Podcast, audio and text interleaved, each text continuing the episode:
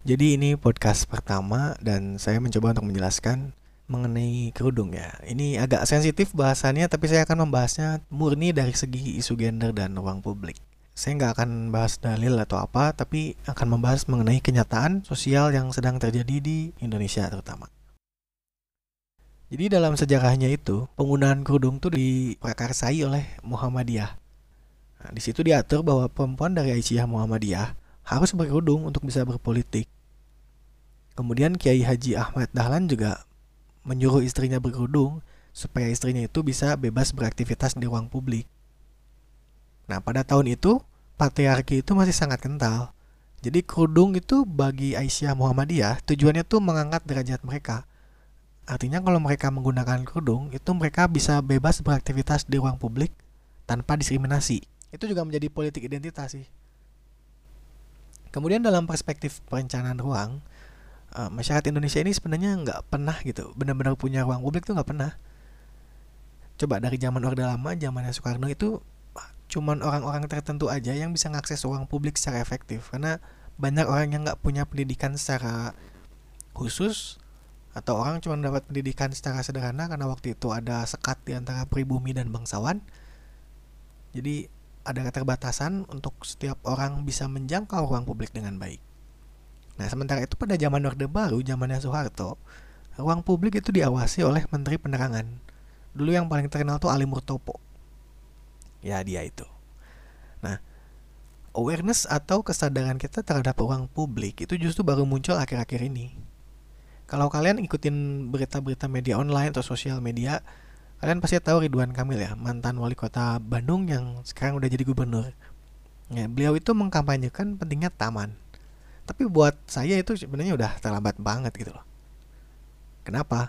Ya karena secara gender tuh ya udah tersegregasi parah gitu. Jadi karena kita nggak pernah ketemu di ruang publik akhirnya cowok dan cewek tuh semacam ada segregasi. Terutama ada pemikiran bahwa perempuan hanya boleh diam di rumah bekerja di rumah ngurus anak dan lain-lain terus juga secara default atau secara pada dasarnya secara elementer itu kota tuh dibangun, kota Indonesia terutama dibangun dengan sangat maskulin, seragam, dan juga mengesampingkan difabel ataupun perempuan. Makanya kita sering dengar istilah sister cities. Itu sebenarnya kota yang sedang memperjuangkan bagaimana bentuk kota itu bisa mengakomodasi orang-orang ketiga. Seperti difabel, perempuan, orang tua, anak-anak. Karena kalau Anda lihat bagaimana perencanaan di Indonesia, misal ada ada jembatan penyeberangan. Jembatan itu dibuat khusus secara tidak sadar ya jembatan itu dibuat khusus untuk orang dewasa tegak normal dan sehat baik-baik saja gitu. Dalam artian kalau anak-anak menaiki tangga tersebut itu dia tidak akan nyaman karena anak tangganya memiliki uh, selisih tinggi yang cukup jauh untuk dijangkau anak-anak sementara orang tua sudah tidak punya badan yang cukup sehat untuk menaiki tangga tersebut dan untuk perempuan juga ada beberapa perempuan terutama ibu hamil misal itu akan kesulitan menaiki tangga jembatan penyeberangan tersebut. Ini secara tidak sadar kita sudah terbentuk begini. Nah, kemudian ruang publik ini, public space, tujuannya kan pertama mempersatukan keragaman. Jadi ada anak-anak, manula, laki, perempuan, difabel, dan orang-orang lainnya itu bisa berkegiatan secara bebas dan bertemu di tempat tersebut di ruang publik. Nah sekarang ternyata faktanya justru hanya laki-laki yang bebas gitu. Perempuan tidak. Buktinya apa? Buktinya banyak pelecehan yang dialami oleh perempuan. Misalnya itu satu. Kemudian untuk anak-anak juga tadi sudah dicontohkan yang jembatan untuk manula juga sama kota kita didesain terlalu maskulin dan uh, mendiskriminasi orang yang tidak sehat dan lain-lain Nah terus kita balik lagi ke kerudung ya Kita melihat dari perspektif isu gender Dulu itu kerudung menjadi uh, syarat perempuan untuk berpolitik oleh Muhammadiyah. Kemudian sekarang tiba-tiba menjadi prasyarat untuk berkegiatan di ruang publik. Jadi kalau perempuan nggak berkerudung itu biasanya dipandang rendah. Misal ya dinyinyirin aja lah pokoknya. Pokoknya di ruang publik perempuan kalau nggak berkerudung itu pasti dianggap beda aja. Entah entah kurang soleh, entah nanti ditanyain agamanya apa kan orang mikirnya dia nggak berkerudung mungkin dia bukan Islam atau apa ya ini kejadian yang sering terjadi dan terutama pada teman-teman saya gitu ya. Terus kemudian ada Bututin Arianti yang menyebutkan istilah menarik. Quote-nya, destroying the wall, preserving the barrier. Jadi kita tuh e, kerudung yang pada awalnya menghancurkan tembok e, diskriminasi segregasi perempuan di ruang publik, sekarang malah jadi alat untuk mengopresi atau membatasi perempuan untuk bebas di ruang publik. Karena perempuan yang tidak berkerudung itu sering kali dianggap berbeda gitu. Nah, jadi tembok-tembok yang menghalangi perempuan beraktivitas itu udah nggak ada gitu zaman sekarang tuh. Perempuan udah bebas beraktivitas. Tapi penghalang lainnya berubah. Bentuknya berubah. Yang awalnya ide gagasan bahwa perempuan harus di rumah sekarang berubah jadi ide gagasan bahwa perempuan kalau bergerak atau beraktivitas di ruang publik dia harus sesuai dengan standar yang diterapkan oleh publik itu sendiri misalnya berkerudung Nah ini menjadi masalah karena kerudung jadi uniformity atau menjadi sebuah keseragaman. Terbentuklah konstruk sosial dalam ruang publik itu. Nah, kemudian dari konstruk sosial itu akhirnya perempuan ada yang menggunakan kerudung. Dan kerudung itu sendiri bahkan tidak menjamin keselamatan perempuan. Karena banyak perempuan yang tetap dilecehkan meskipun dia sudah menggunakan pakaian tertutup misalnya. Sementara laki-laki masih menggunakan alasan bahwa perempuan harus berpakaian tertutup atau tidak boleh berpakaian terbuka agar tidak mengundang kejahatan-kejahatan atau pelecehan. Kenyataannya, perempuan berkerudung juga mengalami pelecehan. Atau berpakaian tertutup juga sudah mengalami pelecehan. Berarti masalahnya bukan di pakaian, itu sih. Dan juga yang menarik itu cuman Indonesia loh yang menjadikan kerudung sebagai konstruk sosial secara tidak sadar. Bahkan negara-negara Arab tuh biasanya menjadikan itu sebagai simbol keagamaan biasa. Nah, kalau saya pribadi ini concern terhadap isu ini karena bagi saya perempuan itu berhak untuk bercadar, menggunakan burka, berhijab, menggerai rambut, mengikat rambut, ya terserah lah. Yang jelas mereka melakukannya bukan karena alasan didikte oleh siapa pun.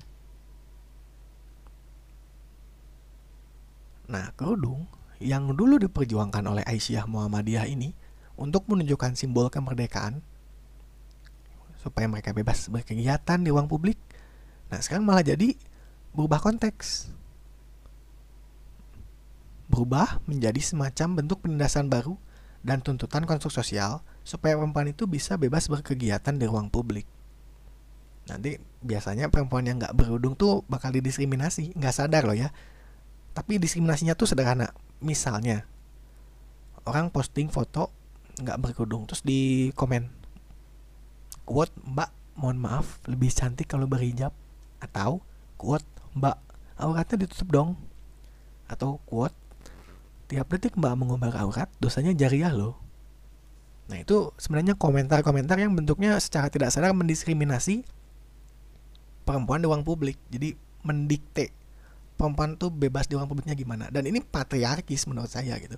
Senang tidak senang suka tidak suka ini patriarkis.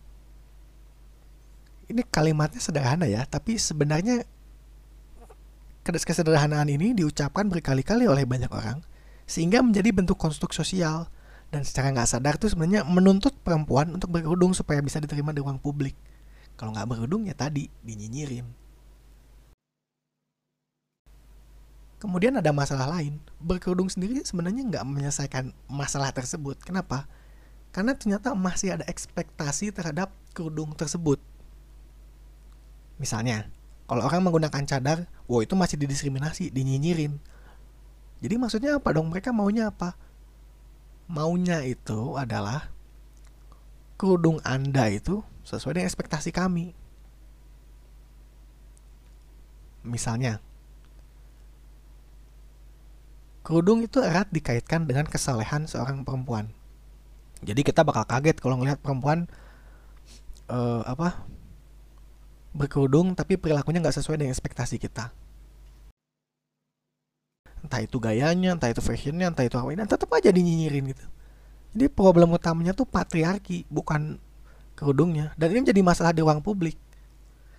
Celakanya lagi, kita tuh nggak pernah mengenal ruang publik dan tiba-tiba boom ada sosial media Twitter Facebook terus apalah Instagram dan lain-lain Nah, di dunia nyata ini kita melihatnya keseragaman. Karena kalau ada perbedaan tuh dinyinyirin, didiskriminasi. Ada cewek nggak pakai kerudung, dinyinyirin, akhirnya dia pakai kerudung dan akhirnya pada titik di mana semuanya hampir seragam. Dan begitu sampai sosial media, kita kaget betul ketika banyak mbak-mbak yang berkerudung atau mbak-mbak yang begini ini tiba-tiba berbeda gitu dengan apa ekspektasi kita. Nah, urutannya begini. Pertama, kerudung menjadi konstruk sosial. Ketika kerudung menjadi konstruk sosial, maka uh, itu menjadi tuntutan untuk dipakai kepada setiap perempuan. Problem utama manusia adalah kita ini heterogen. Kita ini tidak monolit. Kita ini punya banyak keragaman. Jadi ketika keseragaman dipaksakan pada kita, mau nggak mau pasti bakal ada outlier atau anomali-anomali yang muncul di luar rata-rata. Misalnya ada mbak-mbak berhijab tapi pergi ke bar mabuk. Uh, ini bukannya meledek, bukannya tidak bermaksud apa-apa. Tapi yang ingin saya sampaikan adalah hal itu terjadi. Gitu. Anda suka tidak suka, mau tidak mau hal tersebut terjadi.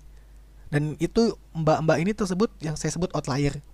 Karena mau nggak mau, yang tadinya kerudung itu dikaitkan erat dengan kesolehan, tapi dipaksakan menjadi sebuah konstruk sosial, sementara manusia itu beragam, maka oh, ya kita pasti bakal menemukan outlier-outlier atau anomali-anomali tersebut. Dan kita sebaiknya sepatutnya nggak kaget. Masalahnya adalah kita biasanya kaget. Kok kerudungan gini, kok kerudungan gini? Lah makanya sejak awal kenapa Anda memaksakan konstruk sosial tersebut? Itu ada patriarki di situ perempuan mau pakai kerudung, mau pakai hijab, mau pakai cadar, mau pakai nikah, mau pakai burka, mau menggerai rambutnya, mau mengikat rambutnya, semua itu harus dilindungi kebebasannya. Bahwa perempuan juga berhak mengambil keputusannya untuk dirinya sendiri. Itu adalah feminisme yang harusnya kita perjuangkan. Tujuannya apa? Ketika ruang publik menjadi lebih beragam, maka sikap tenggang rasa, sikap toleransi kita akan muncul Makanya saya membahas podcast ini dengan harapan bahwa kita menyadari betul ada apa sih salah satu problem intoleransi di Indonesia itu? Oh, salah satunya adalah kita belum siap menerima keragaman. Karena ruang publik kita begitu seragam. Begitu. Nah, setelah menjadi konstruk sosial itu, kadang kerudung tuh menjadi problem utama karena malah menjadi fetis baru dalam kejahatan-kejahatan pornografi. Banyak orang jahat yang mengkategorisasi kerudung atau hijab sebagai fetis baru dalam dunia porno. Buat saya ini pelecehan ya, uh, karena saya muslim dan buat saya ini pelecehan. Tapi ya apa daya gitu, karena memang ketika menjadi konstruk sosial ya itulah anomali yang muncul. Jadi kerudung itu awalnya simbol kemerdekaan, berubah menjadi konstruk sosial. Dan kini kerudung itu malah berakhir cuma sebagai fashion. Kenapa? Ya anomali tadi. Kesalehannya malah jadi nggak berketai, ber, berketerkaitan erat. Tapi perempuan itu sendiri uh, anomali gitu, heterogen. Maka sebenarnya tugas kita atau tugas saya pribadi sebagai perencana itu adalah menciptakan ruang publik yang nggak diskriminatif bagi siapa pun. Dan Anda, peranan Anda sebagai masyarakat adalah mulailah untuk adil sejak dalam pikiran. Untuk tidak mendiskriminasi siapa pun pilihannya pilihan pilihan mereka apa pun ras apa pun golongan itu nggak boleh didiskriminasi karena ruang publik itu adalah tempat berkumpulnya keragaman bukan tempat untuk menyeragamkan itu sih dari saya